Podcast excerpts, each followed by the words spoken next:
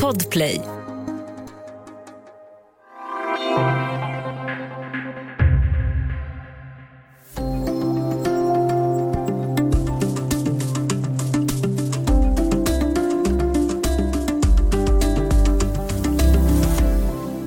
Talibanerna fortsätter sin offensiv i Afghanistan.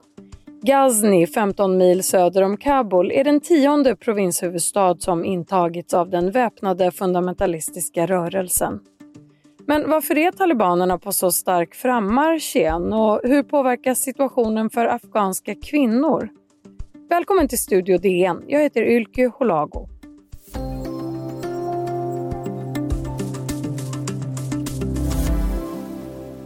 Det är 20 år sedan den USA-ledda interventionen i Afghanistan inleddes. Och målet var ju att störta talibanerna och gripa al-Qaidas ledare Osama bin Laden. Men i våras så meddelade USAs president Joe Biden att landet drar sig tillbaka från Afghanistan och sedan dess har talibanerna på kort tid tagit kontroll över stora delar av landet och regeringen i Kabul riskerar att falla. Sanna Thorén Björling, du är min programledarkollega här i Studio DN, men du är också en av de reportrar som bevakar Afghanistan den här veckan. Hej! Hej! Berätta för mig, varför ser vi den här utvecklingen i Afghanistan just nu? Ja, det kan man ju ge ett långt eller ett kort svar på, men det korta svaret kanske är att USA har ju sagt att de ska dra sig tillbaka. Trump eh, sa ju tidigt det, men hölls tillbaka då av Pentagon, eh, där man ville vara lite försiktigare. Men det tecknades ett avtal i februari 2020, alltså före det amerikanska presidentvalet, med talibanerna om ett tillbakadragande mot att de skulle avbryta kontakter med terroristorganisationer som IS och al-Qaida. Eh, det där, sen så blev det presidentval och Biden har ju inte avvikit från den där linjen ändå utan fullföljde eh, det här tillbakadragandet då, eller har ju började i våras med att ta tillbaka de amerikanska trupperna. Sen eh, har ju de flesta bedömare antagit att det skulle bli en lik utveckling ungefär som den vi ser. Men att det skulle gå så här fort eh, tror jag har överraskat många. På vilket sätt har det gått fort? Kan du ge några exempel? Men jag tyckte att du sa där inledningsvis eh, hur snabbt talibanerna har tagit mark geografiskt eh, och tagit kontroll över eh, provinshuvudstäder som, inte, mm, som, som också är viktiga och att man nu säger att det är förmodligen ehm, eh, också huvudstaden kommer att falla inom eh, ett par månader. Ehm, och, och att man ser mycket våldsamheter som, som kommer ut. Eh, fredssamtalen har ju inte heller, eh, man kan ju inte säga att de har gått framåt direkt eh, om man jämför med hur det såg ut för några månader sedan. Och vilken typ av insatser är det man har ägnat sig åt i den här interventionen i Afghanistan? Det har ju varit mycket fokus på militärt stöd för uppbyggandet av en ny afghansk regering förstås, men vad, vad har de här eh, militära eh, styrkorna från FN och NATO bland annat ägnat sig åt i övrigt? Jag tror man ska se det över lång tid så har det ju haft lite olika fokus. I början var det ju också som du sa att då ville man ju eh, bli kvitt bin Laden eh, och talibanerna. Talibanerna föll ju ganska snabbt och efter det så ehm, så kunde man ju då börja bygga upp någon slags, eh, en annan typ av regering och det har man ju gjort och det hände, man gjorde ju väldigt stora framsteg där på många håll i, i Afghanistan eh, när det handlar om sjukvård eller infrastruktur och kvinnors rättigheter som vi kommer till och så. Eh, eh, bin Laden eh, dog ju 2011, togs han fast. Och sen så, som du sa också så har det ju kommit in enorma mängder biståndspengar här. Eh, den afghanska regeringen har ju inte, kan man ju säga, lyckats eh, under de här åren eh, kanske förvaltning, det är ju väldigt korrupt eh, statsförvaltning. Eh, så det har ju varit väldigt svårt att, att, få någon, det är ju ingen stadga i landet, så att på det sättet så kan man ju säga att USA lämnar ju inte efter sig eh, något fullbordat uppdrag direkt. Ja, och idag pratar ju många aktörer på olika flanker om vilket misslyckande den här 20 år långa interventionen har varit. Hur kunde det bli så? Ja, det är nog en lång rad faktorer som spelar in där förstås. Jag tror att en, en sak var väl att man inte heller hade något klart man visste inte från början vad det var man egentligen skulle göra och när uppdraget skulle, ta, skulle vara slut. Det förändrades hela tiden och jag vet, det, under lång tid så, så höll ju amerikanerna på att utbilda den afghanska armén. Um, och jag vet, jag har pratat med personer som har varit med och, och gjort det och de eh, på plats i Afghanistan bland annat och de sa redan för ja, ett par år sedan att ja, men om USA lämnar, det kommer att dröja, det kommer att gå väldigt fort. Eh, så jag tror att man, jag tror att det var en, eh, man, så, man hade aldrig klart, riktigt klart från början hur man skulle slutföra det här. Ja, en viktig faktor har ju också varit eh, korruptionen i eh, landet, att biståndspengar kanske inte har hamnat där, där det var tänkt. Hur ser det ut på den fronten? Ja, precis, så är det ju. Ehm, och, så att jag tror inte man ska lägga all, det finns ju de som säger också att man ska akta sig för att lägga all skuld på talibanerna eller på västmakterna och så, men det finns ju, det är klart att en, en regering som inte förmår eh, som inte förmår ta hand om, om, om de resurser som kommer, eller som inte ger stöd att göra det, det, det fungerar inte. Det finns en, en utbredd korruption. Och det, finns ju, det har ju varit ett land som har varit splittrat på många sätt länge, krigshärjat. En fråga som har engagerat många det är ju afghanska kvinnors situation. Och ett tag så hade ju den här frågan världens blickar på sig och afghanska kvinnors utsatthet blev någon slags sinnebild för fundamentalistiskt förtryck. Vilka förändringar har skett när det gäller kvinnors situation de senaste 20 åren? Ja, men när jag har pratat med lite experter så pekar de på eh, flera saker, många av dem är ju väl kända, men det har ju skett stora framsteg. Eh, det, Afghanistan är ju ett, ett, konservativt traditionellt land, så kvinnor har ju alltid slagits ur, i underläge och frågan om kvinnors roll i samhället, eh, som en eh, expert på FOI, Helene Lackenbauer, påpekade, den har ju alltid varit föremål för konflikt. Redan på 20-talet när kung eh, Amnullah ville ha, genomföra väldigt progressiva reformer. Hans hustru, alltså drottningen, gick bararmad. Det blev också en, en konflikt kring det och var en bidragande orsak till att han inte kunde sitta kvar. Eh, nu har man ju lyckats, kvinnors utbildning och flickors utbildning har ju eh, växt jättemycket. Eh, allt fler flickor får gå i skolan, lära sig läsa och skriva. Sen är det många som ändå inte som, eh, kanske går så många år. Eh, därför att det finns ju starka traditioner om att man slutar gå i skolan när man kommer i puberteten för då blir man bortgift. Men eh, flickors utbildning har ju varit en sak. Kvinnor har ju eh, kunnat delta i samhällslivet på ett annat sätt. De har inte varit tvungna att vara i hemmen, eh, utan de har kunnat förvärvsarbeta, de har kunnat delta i politiken. Den nya konstitutionen som skrevs 2005, den innehöll kvoteringar även för kvinnor, så det gör ju att i afghanska, i parlamentet så är det över en fjärdedel kvinnor. Det är ju ganska mycket även med internationella mått mätt. Eh, kvinnor har också, just för att de har fått, kunnat arbeta så har de eh, kunnat gå till yrken som de traditionellt också har haft, alltså som lärare eller inom vården.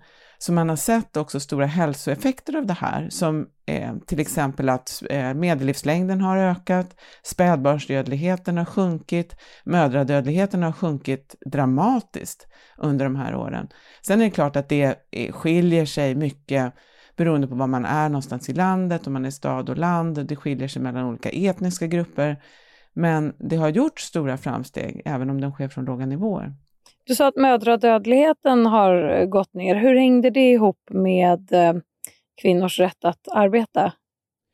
Ja, som jag förstår så eh, har ju kvinnor, när de får arbeta, så har de ofta den typen av yrken, alltså sjuksköterskor, barnmorskor är ju eh, i stort sett alltid kvinnor. Eh, och när, man, när kvinnor får arbeta så kan de också skapa det handlar ju naturligtvis inte bara om detta, för att man måste också ha resurser att kanske ha vårdcentraler och så, men, men man kan skapa en situationer som, som, eh, eh som minskar mödradödligheten. Och ofta så handlar ju det om ganska enkla saker som att lyssna på vad en kvinna säger, vad en kvinna känner, att ha rent omkring sig och ha basala kunskaper. Men det gör ju väldigt stor skillnad. Vi ska ta en kort paus och sen prata om de fredssamtal med talibanerna som pågår just nu i Qatar.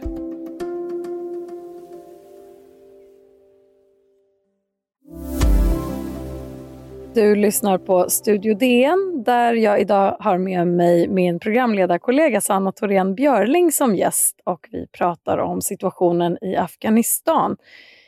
Det pågår ju fredssamtal i Qatars huvudstad Doha mellan talibanerna, USA, Kina, Ryssland och Pakistan. Vilken plats har frågan om kvinnors situation i de här samtalen? Eh, man kan ju börja med att säga att eh, det är inte så väldigt många kvinnor som deltar i fredssamtalen. Och det visar väl kanske lite vilken, hur det verkligen ser ut. Och även om det som vi beskrev nu, före pausen här om de olika framstegen, så kan, är det ju synd att påstå kanske att den eh, afghanska regeringen och statsförvaltningen är full av feminister. Eh, det är i den afghanska regeringens delegation fyra kvinnor, eh, så de är i alla fall några stycken, men det är ju över 20 personer som deltar i delegationen. Talibanerna har ju ingen kvinna. Ehm, jag kan tänka mig att kvinnors roll används som en del eh, i det här, eh, där man kanske försöker eh, få talibanerna att medge vissa saker. Men talibanerna har ju också eh, på, på, under förhandlingarna kanske mer moderata talibaner har sagt att de kan, att, de har, att deras positioner har förskjutits lite grann om man jämför med för 20 år sedan. Men Eh, sen hör man helt andra saker om, om eh, enligt de experter jag har pratat med och eh, som jag förstår det, ner på marken och nere på eh, inne i Afghanistan lokalt, där det kanske är mer de militärt ansvariga talibanerna. De har inte alls eh, samma lust till kompromisser, så eh, kvinnors... Eh, jag skulle säga att det är inte säkert att det spelar så stor roll. Vad kan världssamfundet göra i frågan om kvinnans rättigheter? Ja, det där är en, en jättebra fråga, för ofta så står ju världssamfundet ganska handfallet. Ehm, det finns ju enorma mängder biståndspengar då som sagt som kommer in.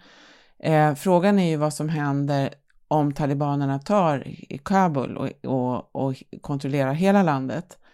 Då, eh, när jag pratade med generalsekreteraren för Svenska Afghanistankommittén, eh, Andreas Stefansson, så sa han att han han tror väl inte att man kommer att, eh, då kommer ju mycket bistånd att försvinna och att man kanske behåller ett humanitärt bistånd, ett katastrofbistånd och så, men att man eh, kan inte ge bistånd till talibanerna. Man kan eh, möjligen använda kvinnors roll som en påtryckningsmekanism, att om ni inte gör si så blir det inte heller så. Och han sa själv att det gör, Svenska, Svenska Afghanistankommittén har ju haft verksamhet i Afghanistan i över 40 år, så att de har ju, och, och, har ju nästan bara afghaner anställda i hela landet och har en ganska omfattande verksamhet när det gäller vård och utbildning och så.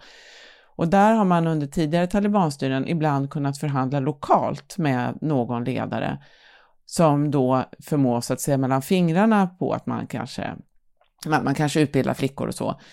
Och då har man kunnat använda det och säga att ja, men om inte vi får göra det, då tänker vi inte heller eh, hjälpa till i det här vattenprojektet till exempel.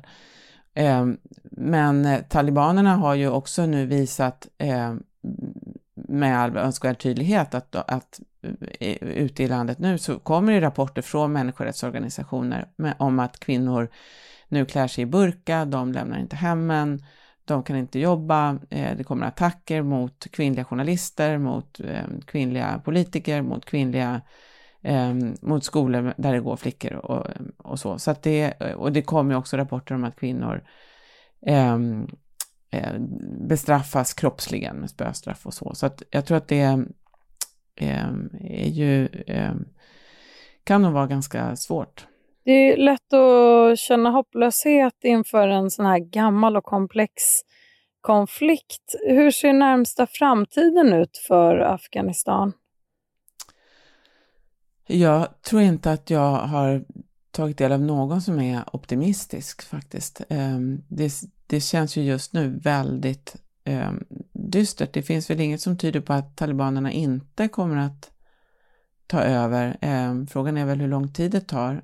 Eh, och jag tror att en sak är väl att även Afghanistan ju har förändrats under de här 20 åren, att det finns ett civilsamhälle som ändå är starkare än vad det var tidigare.